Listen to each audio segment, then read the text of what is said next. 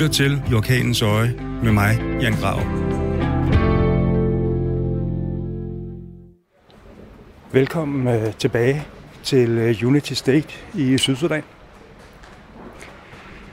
Øh, jeg forlod jer jo i sidste uge, øh, hvor jeg var så småt kommet i gang med at arbejde. Og øh, det har jeg nu haft en lidt over en uge til.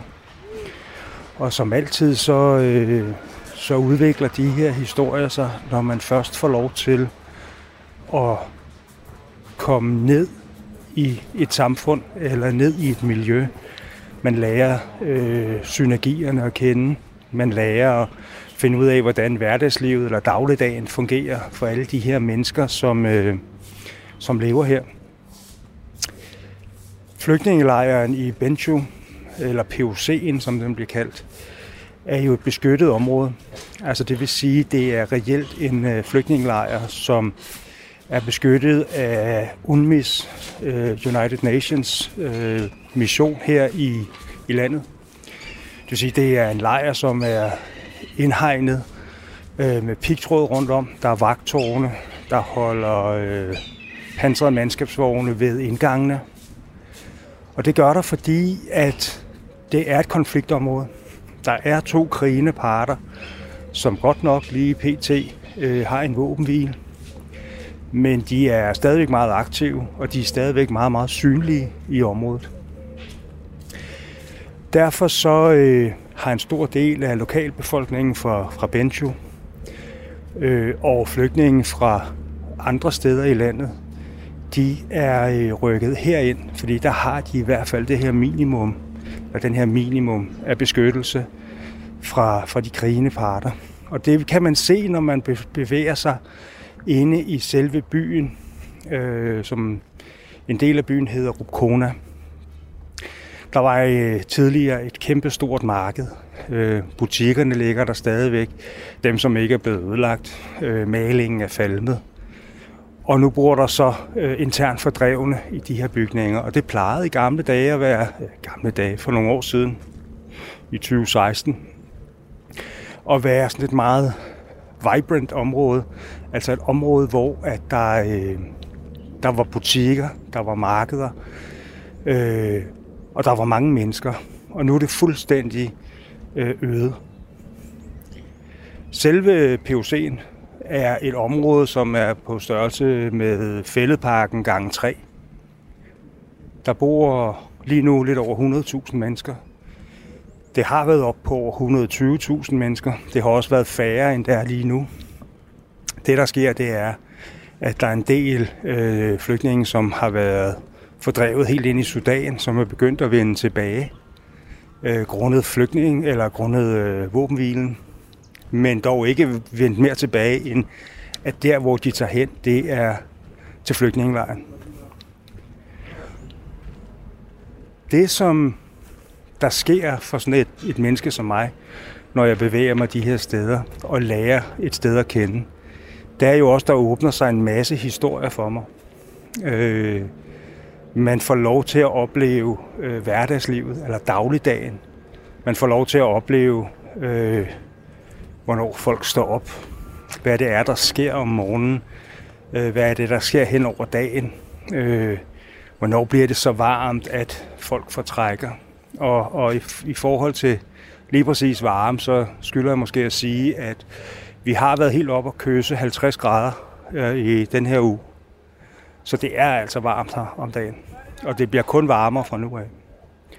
Jeg har også været ude og se en masse af de projekter, som jo eksisterer i det her område, altså i, i outreach-processerne, øh, eller i de projekter, som hedder outreach, altså hvor man bevæger sig ud i øh, fjerne øh, landsbyer. Og når jeg siger fjerne, så, øh, så snakker vi, at det tager måske tre timer at køre 25 km. øh, eller i andre tilfælde tager det flere dage at køre øh, ud til de her områder, fordi de er fuldstændig isoleret. Der er ingen veje. Der er nogle dirt tracks. Mange af dem har været øh, oversvømmet. Øh, de, nu fordi vi er gået ind i, i, i den tørre periode, så begynder øh, meget af den her flooding at forsvinde. Men det gør ikke, at vejene er i en speciel god stand. Og øh, det kan være alt muligt fra haver, at man hjælper folk med at prøve at lave nogle haver, så de bliver øh, selvforsynende, altså dyrke afgrøder, til trods for, at det er ekstremt svært. Øh, det kan også være, som jeg oplevede i en anden landsby, at man har doneret nogle små kanoer, så folk kan krydse både øh, oversvømmede områder, men også floder, for at komme øh, andre steder hen, for at kunne handle, for at kunne øh, altså komme væk fra de her små isolerede steder, hvor de sidder, og komme, komme hen til for eksempel deres, øh, deres kvæg, som, som kan være fanget øh, på den anden side af, af et, et oversvømmet område. Jeg har også besøgt nogle af de hospitalsklinikker hernede. Det kommer jeg til at vende tilbage til. For som altid, så var det, eller så er det, øh, meget hjerteskærende. Både på godt og ondt. Øh, det kan være både i forhold til øh, øh, alvorlig sygdom, men så sandelig også øh, kvinder, som har født. Jeg har som sagt besøgt de her steder, hvor man dyrker afgrøder. Og øh, jeg har besøgt projekter, hvor man prøver at få unge mennesker, øh, typisk øh, unge mænd, ud af det, som begynder at tangere en eller anden form for bandekriminalitet. Det er i virkeligheden, øh, i, i forhold til den her bandekriminalitet, så hører det jo med til historien, at det er mindst lige så normalt at have en AK-47 hernede, som det er at have en mobiltelefon, hvis ikke mere normalt. Øh, har stort set ikke nogen mobildækning overhovedet. Øh, heller ikke på, på lokale øh, netværk. Øh, AK-47 er ikke noget, man har primært eller for, for at have det som en eller anden form for angrebsvåben. Man har det for selvbeskyttelse. Øh, det kan være øh, kvæghyrder, som, øh, som beskytter deres flok, fordi der er masser af angreb og overfald, altså regulære kriminelle overfald på kvæghyrder. Man stjæler kvæg. Jeg havde en, øh, eller har en chauffør, som kan fortælle meget øh, nærmere om det. Øh, men, men projektet har i virkeligheden en en, en en-til-en sammenligning med noget af det, man også ser i København. Altså, de bandegrupperinger, man har i storbyerne, er lidt de samme, som man ser her. Folk kæmper om magten, folk kæmper om en position, folk kæmper om øh, øh, øh, muligheden for at kunne besidde og, og beskytte et område. Og det øh, er i virkeligheden utrolig interessant at se, at, at hvordan det fungerer. Men samtidig også at se nogle af de projekter, som handler om at, øh, at få folk ud af de her øh, grupperinger. Og det har jeg lavet rigtig, rigtig meget omkring.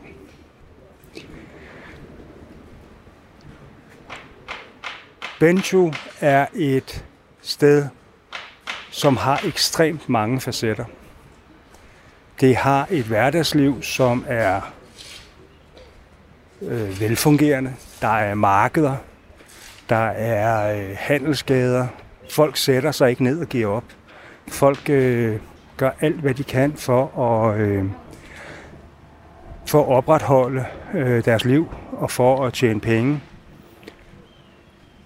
Det ser man, når man går rundt i lejren. Der er flere gaderne, som er blevet regulære markedspladser. Kvinder går øh, op til 50 km væk øh, i løbet af en dag for at gå ind og hugge branden, som de så bærer tilbage på hovedet. Øh, og det vejer, og det vejer mange kilo, for at kunne sælge det i flygtningelejren. Det er brænde. Der er byggematerialer til huse. Der er unge mænd, der sidder og laver klipklapper af gamle gummidæk. Der er kvæghyrder. Der er slagter uden for PUC'en om morgenen, som øh, slagter køer hver eneste dag. Øh, som, hvor at alt fra de her køer bliver brugt øh, helt ned til øh, indvolde, til tarme, til skin, til horn. Alt bliver brugt. Og det er bare for at sige, at noget af det, som jo har været et mantra i mit liv, det er, at man tror, at folk, der er på flugt, eller folk, som, som sidder her, er mennesker, der bare sætter sig ned og venter på, at vi i den vestlige verden kommer og redder dem. Og det er ingenlunde det, jeg oplever. Tværtimod. Øh, man tager imod hjælp, og den er, og den er vigtig for, for en masse mennesker, men man gør også alt, hvad man kan for at opretholde øh, sit eget liv. Inde i selve lejren er der også nogle kæmpe store vandbassiner. Øh, det er sådan, at da man i sin tid lavede lejren, og man første gang havde de store øh, oversvømmelser i forbindelse med regntiden, der var der en stor del af lejren, der skyllede væk, fordi man ikke havde eleveret jorden, øh, altså løftet stederne op, så folk reelt kunne bo der, uden at, øh, at det blev oversvømmet. Det har også gjort, at man så har lavet nogle store bassiner, nogle store vandreservoirer, hvor man ligesom prøver at, øh, at guide vandet, vandet hen. Og øh, de her reservoirer, de tøger øh, langsomt ud. Og jeg, kan ikke, øh, jeg skal ikke øh, prøve at forklare, hvordan fanden det sker, men i nogle af dem er der fisk, catfish eller store maller. Og øh, nogle af de driftige i lejren, de øh, har lavet nogle øh, hjemmelavede fiskenet og fanger de her fisk, som så bliver solgt. Øh, det er lidt det samme øh, med nogle af de her outreach-projekter, hvor man jo også har øh, doneret små kanoer, som folk også fisker fra. Og det er med til at opretholde øh, livet i de her øh, remote landsbyer, altså at man fanger fisk, som man kan leve af. Men det gør man altså også i, øh, det gør man også inde i POC'en. Det, som kan være lidt mærkeligt eller lidt svært at forstå, det er, at det er jo ikke, altså, det er jo ikke bare et sted, man fisker. Det er også et sted, man vasker tøj. Det er også et sted, man øh, urinerer. Det er også et sted, man øh, vasker sig. Så det er jo en stor sammenblanding. Og i de perioder, hvor der er meget vand, øh, kan jeg sådan set måske godt forstå det. Men der, hvor vi er lige nu, hvor vandet rigtig, rigtig hurtigt forsvinder, øh, der begynder det at, at tangere noget, som, øh, som kan være sygdomsbærende øh, på en meget, meget voldsom måde. Øh, det er svært at forstå, at folk ikke bliver rigtig, rigtig syge af det her. Men det er en del af overlevelsen. Det er en del af at, øh, at kunne, kunne leve eller ernære sig ved at fange fisk, som man så kan sælge på markedet. Nogle af de her vandreservoirer øh, blev også for store. Øh, der var blandt andet, øh, fortalte min lokale fikser, ham der har hjulpet mig, ham der taler de lokale sprog, og som også taler engelsk. Øh, et af de her vandreservoirer, som blev meget, meget stort og dybt. Og øh, alene i alene sidste år øh, i forbindelse med afslutningen af regntiden og den tørre periode, hvor vi igen kom op på de her varmegrader, og hvor børnene, som jo er børn, jo bruger tiden på at svømme og bade og køle sig selv ned. Der druknede der 29 børn øh, i Benchus PUC. Og derfor så er man begyndt at glide vandet væk øh, fra lejren øh, i, i et omfang, som man ikke har gjort før. Og det var simpelthen det lokale community, som vurderede, at det her, det, øh, det kan man ikke administrere. De her børn kan ikke svømme. Det er ikke en naturlig del for dem at komme ned i, i de her bassiner, som er mange meter dybe. Øh, og, det, øh, og det var simpelthen for ødelæggende for, for lokalsamfundet. I sidste uge der nævnte jeg også øh, voldtægt. Øh, voldtægt er jo et våben hernede. Og ikke bare et våben. Det er en del, som, øh, som fylder utrolig meget. Vi snakker ikke kun voldtægt af væbnede øh, styrker eller af lokale røvere eller banditter. Vi snakker også om domestic violence, altså vi snakker om voldtægt i familien. Altså det her med, at kvinder har ikke, har ikke retten til at sige nej. Og øh, det har jeg desværre haft muligheden for at se på helt tæt hold her i løbet af ugen. Jeg har snakket med forskellige kvinder, som har været udsat for voldtægt. Øh, mange af dem har ikke lyst til at stå frem øh, hvilket jeg 100% godt kan forstå. De har heller ikke lyst til at blive optaget til bånd. Øh, jeg har gjort det blandt andet i samarbejde med Læger Uden Grænser, som faktisk har folk ude og monitere, når de her kvinder, der har været ude og hente brænde langt væk fra lejren, kommer tilbage. Og hvor de simpelthen kan se det på dem, når de har været udsat for noget. Vi snakker altså om kvinder og piger helt ned i 12-årsalderen, som jo allerede på det tidspunkt hjælper deres mødre med at hente brænde, som bliver udsat for de her ting. Og for mangens vedkommende, så er det ikke en engangsfortælelse. Det er noget, der sker 5, 6, 8, 10 gange. Og øh, det er noget, man, øh, man arbejder meget, meget ihærdigt på øh, inden for flygtningelejren. Øh, man har store, store projekter, hvor man øh, lærer kvinder øh, om retten til at sige nej.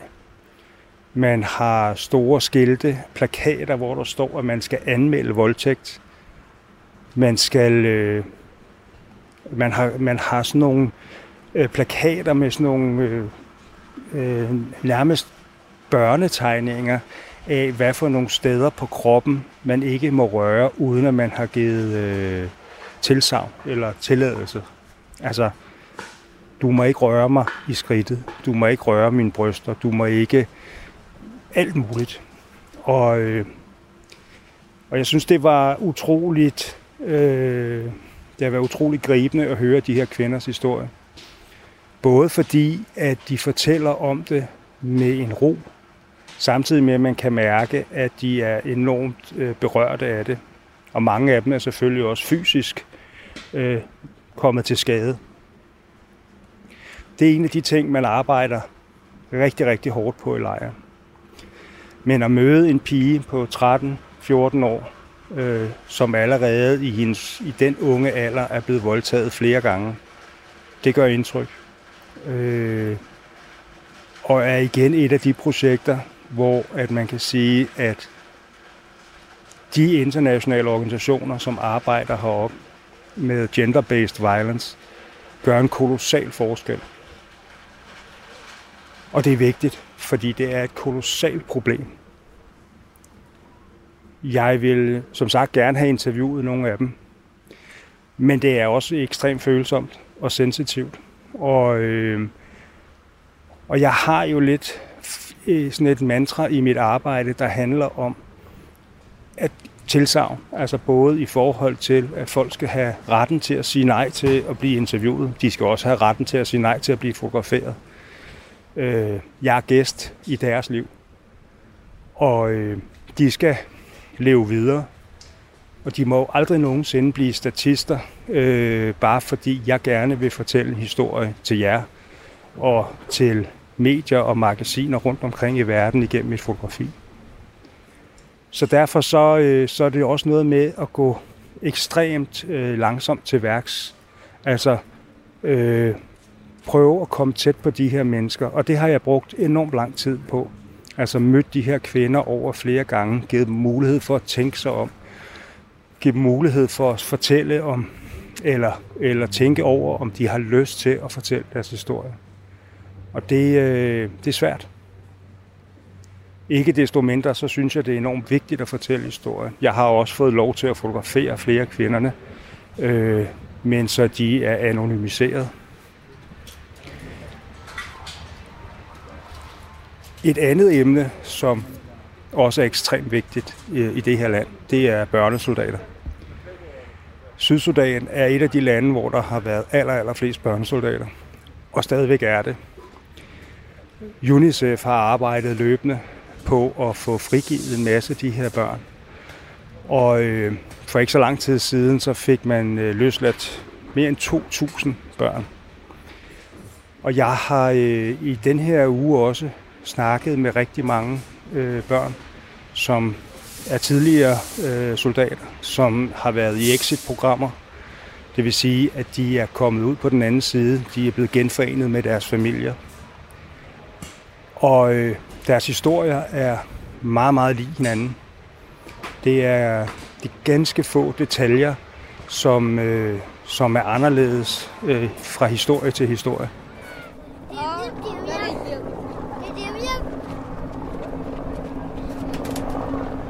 Mari dia pun kau. Kau kan. Du lytter til I Orkanens Øje med mig, Jan Grav. So, uh, James, I'm Jan. I'm from Denmark, and I work uh, on stories about South Sudan, uh, about life, about how life is here, and I'm very interested in your story. So, how old are you now? So I have uh, 17 years. You're 17, Yeah. and you used to be a soldier. So before, during the crisis of South Sudan happened, I'm the soldier. And how old were you then? Before I will join the soldier, I'm 14 years old. 14 years old. Yeah.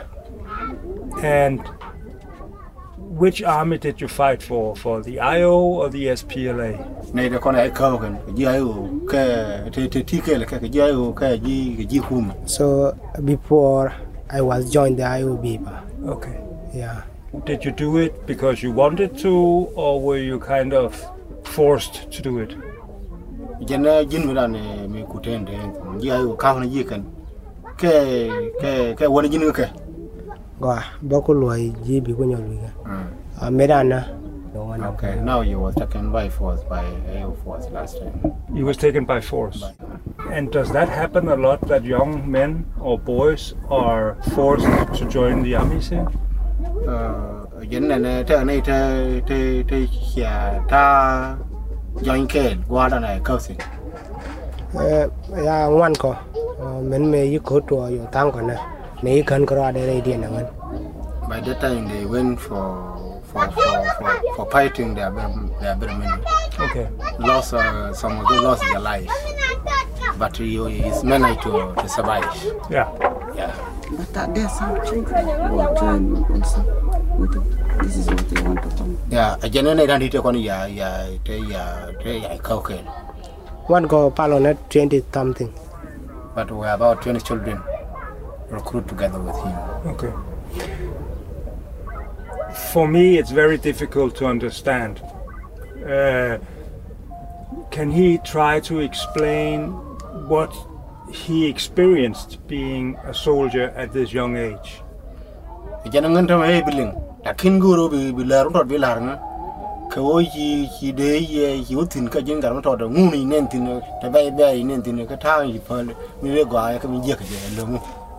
Go uh, tana ndi je kan tana ndi go ya uh, and they go ga ram di uh, cha go ka ma tot gan ma tot dong de kam na kap gan mai de kui so mo we we due mai de gan mai de na ne jan ko He experienced uh, the one, two, two, three. Say now the first experience I experienced there. Because he is joining the the army uh, before the Halihage. So he's difficult to him. Uh, from there because uh, the mind is not developing as uh, as he, he knows. Because this now you say now he's, he's surrendering. That's whereby he was taken by force because the the soldier need someone is a bigger. 30 years or, or 25 something and you get himself is about uh, 14 years Yeah. it's a difficult thing but he cannot uh, manage even to, to shoot people is very hard uh, even to to manage to, to dodge for the hunger when there's because the other thing the, the, the big situation. So that's the thing he experience now. Was he in a lot of fighting? uh, jana yin yu ko uh, me da na yo nga nang ko ya nga ju yi do jin tik ma bai nang ko la dum mani yum ba wa to no ya nga nang ko ma ka nga nang ko ya di to to yan de da Uh, he was taken by force. Say now that uh, was saying now the enemies came, so we, we go for fighting because you have a gun. Uh, after that, he will have it. He will go. That's whereby he will be shooting. Now you can see now he's lame now. So he was shooting by that time because he don't know uh, where to escape. Yeah, and he don't know the strategy of, uh, of, of, of military. So by that time he was uh, He was injured. he was in here. Yeah. Uh, and did he shoot at people? Uh, Jana wur mai lo mai do ye. So my child is long ngan me I'm still young. So I, I don't have a power, power to to do to shoot gun. Hmm. Yeah. Uh, you say now for, for that time until you was uh, shoot, so you, you don't have able to to to manage to, to shoot the people because he's fearing. Now the sound of the gun, when the gun, it was shocking there until he was got injured. And how is his life now? Uh, again, I'm not going to buy him. I can't tell you to buy him. uh, tar man tenga wan mena so che ta me je ta mo ga ta ji ji dara this is uh, the people is my people uh, my life is very good yeah I think My- you, uh, you hear what he's talking. You say now uh, he's, he's together with the, the relative here, uh, but but now uh, for the support of others use UNICEF plus uh, uh, Women Vision, Child Protection. So he's getting convenient now. Uh, there's in co- cooperate with the family, UNICEF came and Women Vision, Child Protection come. So with the uh, supervision with the UNICEF, so that uh, now he's comfortable. That's whereby you get it today. You manage to get it. And was he far away when, when UNICEF found him? I mean, was he in Benju or was he far away? Jana me jeg ji ji UNICEF kwa ile nong kan. Nong ji wani. Ti ka binti ka so uh, me je nga ji unicef uh, je nga ka juba ken uh, ju juba me jere wanga je ka uganda me anga no yo be ja poc ka juba yo tizen men me anga no wana Uh, it is a long way. At the first, he was found in Uganda. In Uganda, he was brought back to South Sudan. So this is a long way. These are the UNICEF partner and UNICEF has coordinate this thing. Until when you reach Juba, Juba they coordinate to to, to reach it here. Because these are the child, uh, UNICEF working for child protection and the child protection actors for, for coordinating things. And then when you coordinate to the UNICEF, UNICEF is a, you have a high, they, they have a hand to, to reach the everything. So it So- was UNICEF who found out that he had relatives in Benju. Yeah, he was uh, he was he, he, the partners, UNICEF partners. Yeah. Yeah, back up with by, by UNICEF, he's UNICEF partners until you reach here the child protection. Yeah. So that's where by today you will get it here now. Fantastic. What is what are his uh, dreams for the future? What would he like to, to do with his life from now on? Ajana kata ang kula kata ang wi ndi la kui wen kui te wen yam. Go di la. gwa uh, te te dong wan lar ka sin uh, ka my life goro ngan der lar ka mo gwa ka de we de de lar ka gwa de chan de an ka ru na mo na so ngan me yare luang ko de de de de te luang so i want to be doctor Now by this time he was in class five. Okay. So that's a good profession, and it's a good ambition. Mm. Jana char mo go long ni char ko char nan nan go ka ji de wi yam. I talked to other uh, boys, men, young men, who used to be soldiers. And sometimes when they leave the army, they find life very difficult outside the army. And some, some of them really wants to go back, not because they enjoy to be soldiers, but because it kind of became their life. Has he ever had that feeling?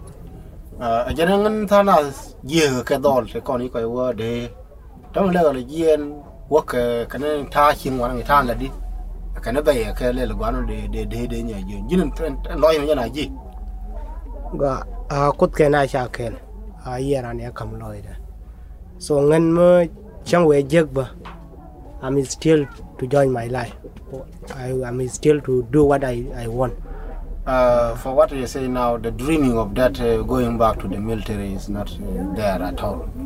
Uh, the life is comfortable with the family, although there are other things small with the family, but uh, she's not thinking the lie of uh, uh, army or the, the military barrack. No, up to now, even he rough it because he was supervised by others, uh, by the child protection actors, who is donated by the UNICEF. Yeah. yeah. So Women Mission is there. That's why we're getting in touch. Psychosocial. Uh, they giving financial support to, to him. So he's, he's comfortable. This is what now is managed to speak to you. This is what he heard now. Uh, for, for him, he say now I don't have a vision for for, for, for going back to the military barrack. Yeah, the vision is only that he will become a, a doctor if God wish. Yeah. And um, life here in the POC in Benju, how is it? I mean, what does he do when he wake up in the morning? Then what does he do? Can you try to explain? Take me through a day, a, a normal day for him here. Jana kata ah,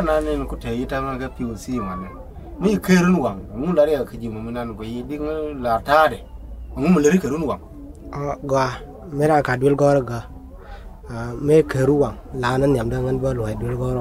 Nyen lada melare ne. Kami adwil gora gwa. Me adwil gora gwa. So to kolar ke gar kol wang kaya lene. I will do it. Lare ke. Yeah, uh, at the first when the school was opening, first thing is doing the morning when he washing uh, the face. Uh, first thing he will wash the face in the morning. After that he wake up and looking for, for the bag going to the school. But during the school holiday, so he came back to to do the, the, the home affairs here with the, together with the family.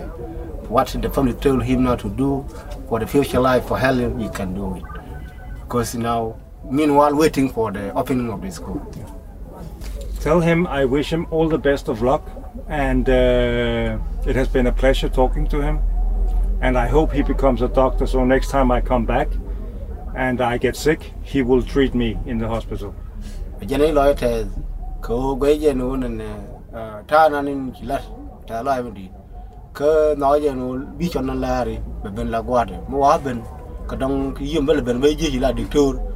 Me te je en bi mo yi lai lo je te te long ke ta na ni kilat ta li ngi ngi liu You're welcome. Mark. Very good to meet you. thank you Take care, my friend. ja Du lytter til I orkanens øje med mig, Jan Graup. James, som jeg har snakket med, var 14 år gammel, da han blev bortført af soldater og blev sendt i en træningslejr. Han øh, var soldat i tre år og blev til sidst øh, fundet på grænsen til Uganda. Og øh, herfra begyndte UNICEF at arbejde med at få ham i et exit-program. Og man fandt faktisk noget af hans familie i Benjo, og dem er han blevet genforenet med nu.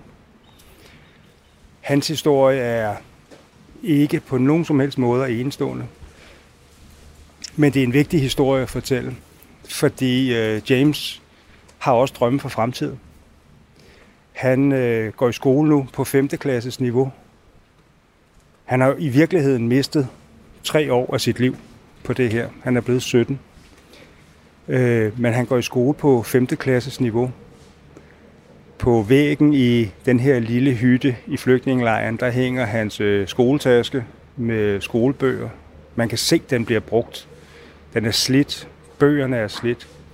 Og hans drøm for fremtiden, det er i virkeligheden at blive læge. Øh, det er der, han gerne vil hen. Og det er måske i virkeligheden igen meget symptomatisk for, for de her mennesker, det er jo, at de har drømme, de har ønsker for fremtiden. Øh, de har ikke lyst til bare at være landsbyboere eller flygtninge i en flygtningelejr resten af livet. De vil videre. Andre af de drenge, som jeg har snakket med, og her gælder præcis det samme som med de kvinder, jeg har snakket med, det er, at det er meget, meget følsomt. Og måske en ting er, at det er følsomt for kvinderne, og det jo er noget person, nogle meget, meget personlige overgreb. For de her drenge, der er det en lidt anden problematik. Øh, det handler blandt andet om at blive genkendt af de, styr, af de, de, de kæmpende parter, altså de krigende styrker hernede. Øh, hvad enten om det har været SPLA, som er regeringsæren, som har haft i tusindvis af børn indrulleret i hæren, eller IO, som er øh, oprørsæren, som er det samme for dem. Man, man påregner faktisk, at der har på tidspunkt i forbindelse med kampen hernede har været mere end 20.000 børn under våben.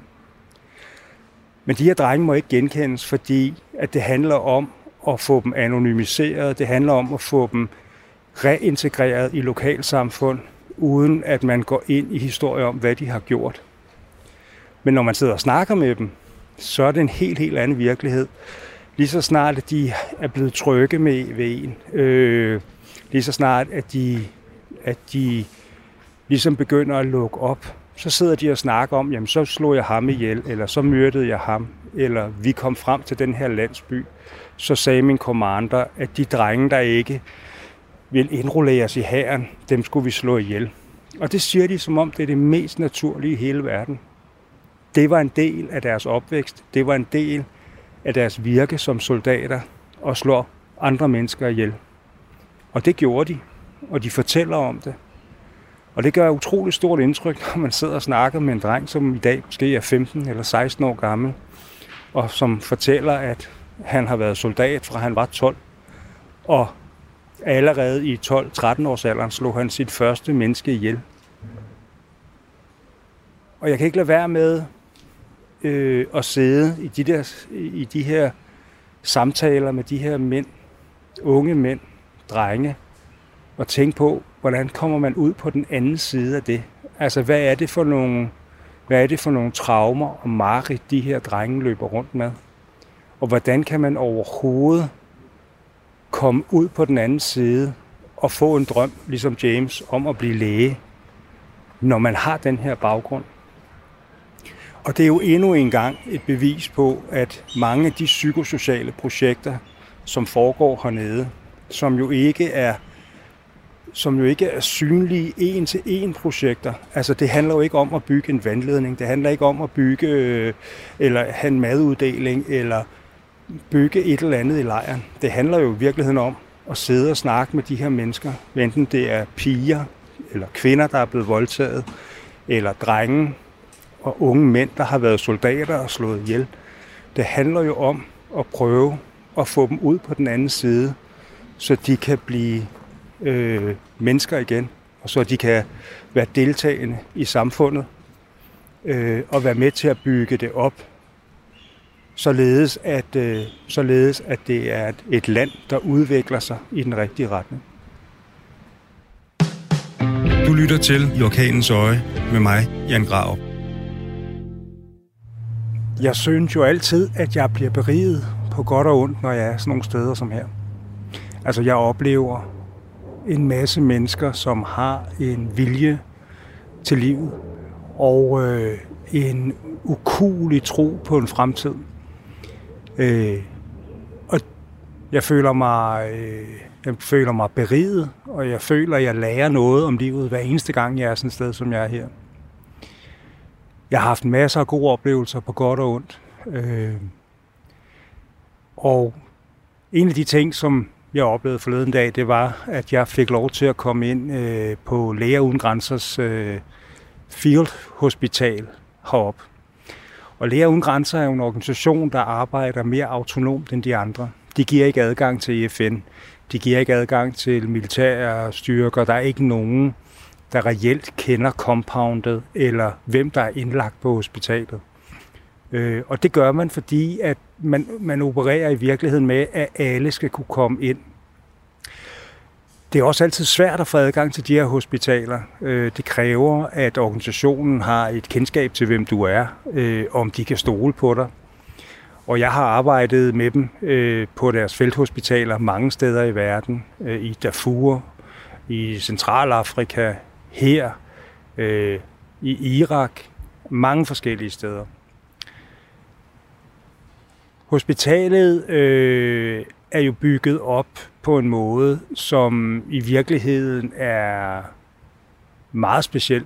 Øh, en af de første ting, som øh, jeg snakkede med dem om, da jeg kom derop, det var, at de ville helst ikke have fotograferet hospitalet øh, på en måde, som man kunne, kunne øh, se geografisk eller regne ud, hvad der var hvad.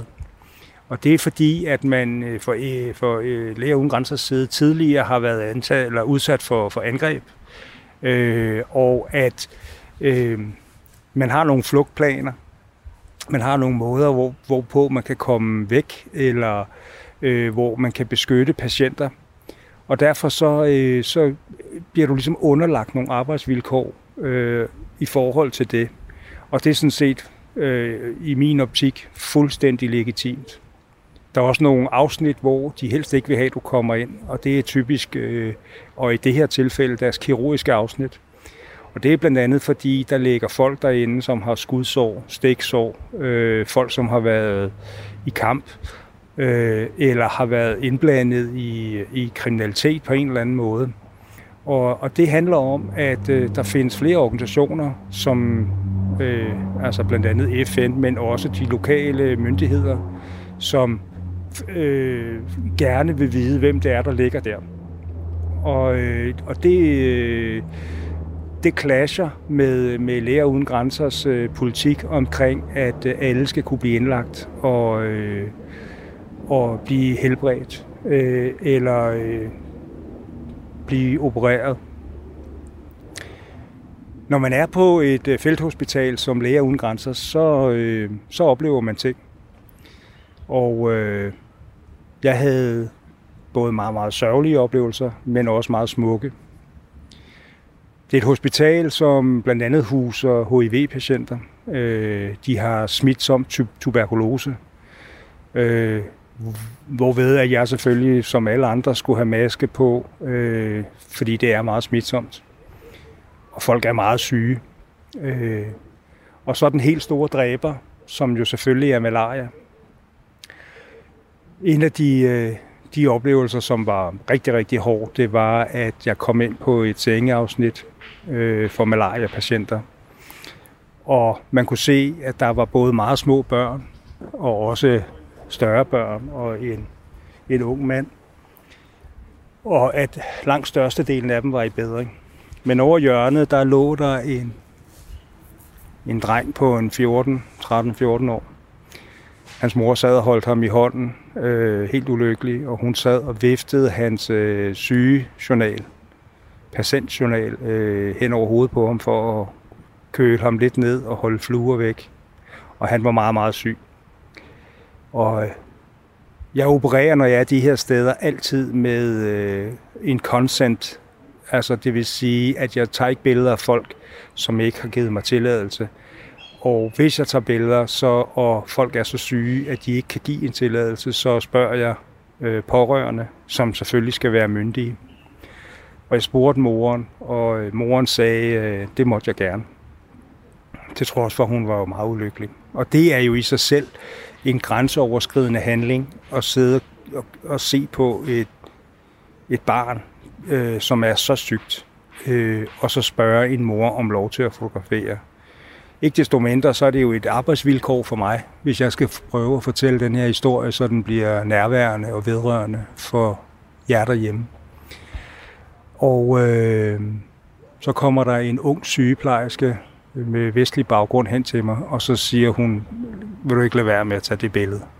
Øh, jeg tror ikke, han har ikke måske en time tilbage af sit liv. Og det, det tror jeg ikke, moren er klar over. Så lad være med at tage det billede. Og det gjorde jeg selvfølgelig. Øh, derfra gik jeg videre ned til øh, deres HIV-afsnit. Jeg gik videre ned på tuberkuloseafsnittet. Øh, jeg fotograferede ikke der, hvor de havde øh, øh, patienter, som var blevet opereret, primært netop på grund af skudsår. Øh, jeg gik ind på deres neonatale afsnit, som så til gengæld øh, var en oplevelse i den helt, helt anden ende, hvor at, øh, der sad de her nybagte mødre, øh, som var lykkelige, til trods for, at deres børn var født meget for tidligt. Og en af de kvinder, jeg mødte der, øh, var et stort smil. Det var hendes første barn. Øh, en lille dreng, som var født alt for tidligt. Og jeg spurgte ham, hvad hun, øh, hvad hun øh, havde tænkt sig, han skulle hedde. Og hun havde allerede navngivet ham. Øh, hun havde givet ham navnet af Gæft. Selvfølgelig på lokalsprog, men det der svarer til en gave. Og det, er, og det bringer mig i virkeligheden tilbage til en pointe, som jeg har plæderet for mange, mange gange tidligere. Det er øh, de mennesker, som sidder øh, hjemme i Danmark og andre steder i Vesten, som tror, at det her det er bare Afrika, og afrikanere de er vant til at få mange børn, og at det har slet ikke den samme betydning, øh, et menneskeliv her, som det har i den vestlige del af verden. Det er det mest vrøvlede vrøvl, jeg nogensinde har hørt. Øh, folk bliver lige så ulykkelige her, og er lige så bekymrede, når de mister et barn eller en pårørende, som man er i Europa. Og den her kvinde var lykkelig for den her lille dreng. Øh, jeg spurgte også sygeplejerskerne, om han ville klare den, og det mente de, han ville. Der lå også en lille pige derinde. Hun var blevet navngivet Solstråle. Øh, igen den samme øh, oplevelse. Altså det her med, at værdien af de her børns liv øh, var er slet ikke noget, der står til diskussion. Altså det har intet med, med de fordomme, som man måtte have i den vestlige verden at gøre. Jeg brugte det meste af dagen på hospitalet. Jeg brugte det også på deres emergency øh, response. Folk kommer ind øh, i trillebøger. Øh, nogen har brækket et ben. Andre øh, ældre mænd er så afkræftet og svækket, at de ikke kan gå, bliver kørt på trillebøger. Andre igen har begyndte symptomer på tuberkulose eller malaria. En af de ting, som man går meget op i hernede, det er tegn på Ebola. Ikke at man har haft øh, tilfælde af Ebola her endnu, men der er en trafik imellem Kongo og Sydsudan, øh, som gør, at alle bliver screenet, og det gør man faktisk også, når man lander i den internationale lufthavn for symptomer på Ebola. Øh, så i virkeligheden en dag, øh, som, hvor følelsesregistret gik fra den her desperation over at se en, en dreng, en stor dreng, som ikke havde mange timer tilbage i livet, til en lille bitte dreng, som skulle til at påbegynde hans liv. Da jeg forlod hospitalet i løbet af sen eftermiddag, gik jeg tilbage til den første stue med malaria-patienter. Drengen var væk. Øh, han var død. Og øh, familien havde båret ham ned til IUM. Der er sådan, der ligger en begravelsesplads uden for kirkegård, eller uden for, for Benchu, uden for, for POC. Men det er de færreste, der går derud og begraver øh, deres, deres pårørende. Det lader man IOM gøre, som er den internationale organisation for migration, som også arbejder hernede. Og sådan slutter en dag, en arbejdsdag for mig, og et liv for en anden, og en mor, som da jeg snakkede med hende, ikke var klar over, at det var de sidste timer af hendes søns liv. Du lytter til I Orkanens Øje med mig, Jan Grav.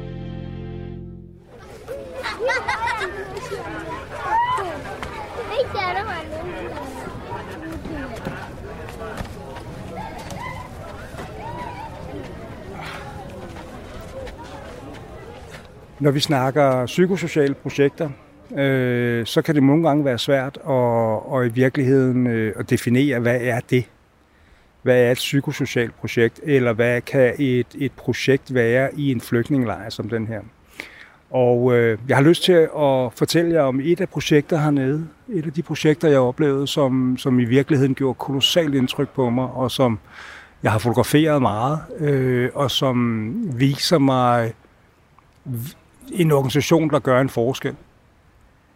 Øh, det er sådan, at øh, som jeg jo har nævnt utallige gange før, så er der en del kriminalitet hernede. Der er banderelateret kriminalitet, der er de her gangs, som render rundt i lejren, og det handler om magt, det handler om øh, position, det handler om alle mulige ting.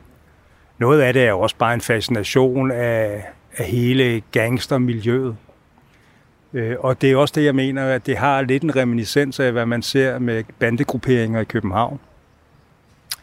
Øh, de her bander har været frygtet, og, og de her unge mænd øh, bliver set som noget rigtig, rigtig dårligt i lejren blandt alle de andre. Øh, men man er også bange for dem. Og Flygtningehjælpen har faktisk lavet et stort kickboxing-projekt hernede, hvor man har taget nogle af de her, øh, nogle af de aller værste af de her fyre, og så, øh, så har man øh, fundet øh, en træner til dem. Og de er nu gået ind i et stort kickboxing-projekt, hvor de træner benhårdt hver eneste eftermiddag. Øh, de træner både fysisk, øh, de træner øh, i ringen, de træner på alle mulige parametre. Og, øh, og de her unge mænd er nu gået fra at være udskud og nogen, man var bange for, til at blive øh, lokale helte. Der er et kolossalt opløb hver eneste dag, når de begynder at træne. Unge mænd, drenge, øh, voksne mænd kommer og kigger på dem. Og vi snakker jo altså om unge mænd, som er ekstremt velbygget og har opbygget øh, muskler og, og en ekspertise i løbet af relativt kort tid. Så de er simpelthen gået fra at være outcasts til at være lokale helte. Og de, de nyder i virkeligheden også lokalmiljøet eller lokalbefolkningens øh, respekt. Altså det her med, at de er trådt ud af det kriminelle, de er trådt ud af at være øh, nogen, man var bange for, til at nogen, være nogen, man ser op til. Og det er sådan en øh, det er sådan ringende i vandet princip, der er i det her. Fordi mange af de der yngre eller små drenge, som, som måske før så sig selv som værende en del af en bande, ser nu meget mere sig selv som værende en del af, af den her kickboxningskultur. Øh, for, netop fordi, at, at de, øh, de træder i karakter på en helt, helt anden måde. Man kan se øh, og mærke, at de har fået selvtillid, øh, og de har og de, de nyder godt af den her respekt.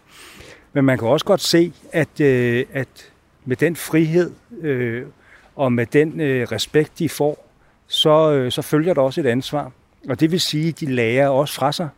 De lærer også øh, de mindre drenge øh, den her sådan, øh, kampsport. Og hvor meget er det, der reelt er kampsporten? Hvor meget er det, der er træningen og den der fysiske udfoldelse? Øh, det, det kan jeg ikke vurdere. Men jeg kan i hvert fald se, at det gør en kolossal forskel for de her mænd. Øh, og jeg var derop og, og træne med dem. Ja, altså, jeg trænede ikke, øh, men jeg var oppe og fotografere deres træning adskillige gange. Og det var den samme oplevelse hver eneste gang, at de var imødekommende, de var grinende og smilende, de, var, øh, de tog sig af de unge øh, eller yngre drenge og små børn dernede, øh, som alle sammen helt tydeligt så op til dem.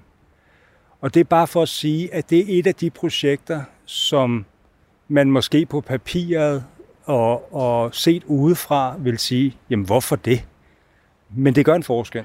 Altså det er, og og det er jo øh, en, en hjælp, som rækker langt, langt ud over den her, sådan, øh, det her helt banale øh, med maduddelinger og med, med vand og med alle mulige andre ting, men hvor man i virkeligheden går skridtet videre og så siger, jamen hvis vi skal give de her mennesker et indhold, så bliver vi nødt til at gøre det på den måde. Samtidig med, at man så har afhjulpet et kolossalt kriminalitetsproblem inden for lejren.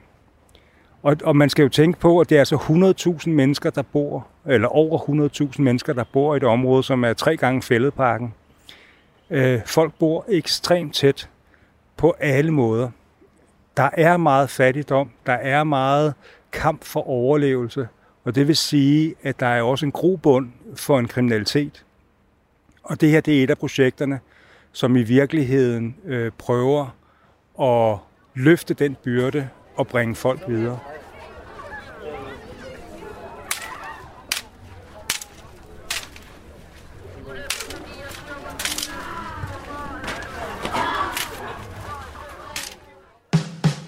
Du lytter til I Orkanens Øje med mig, Jan Grav.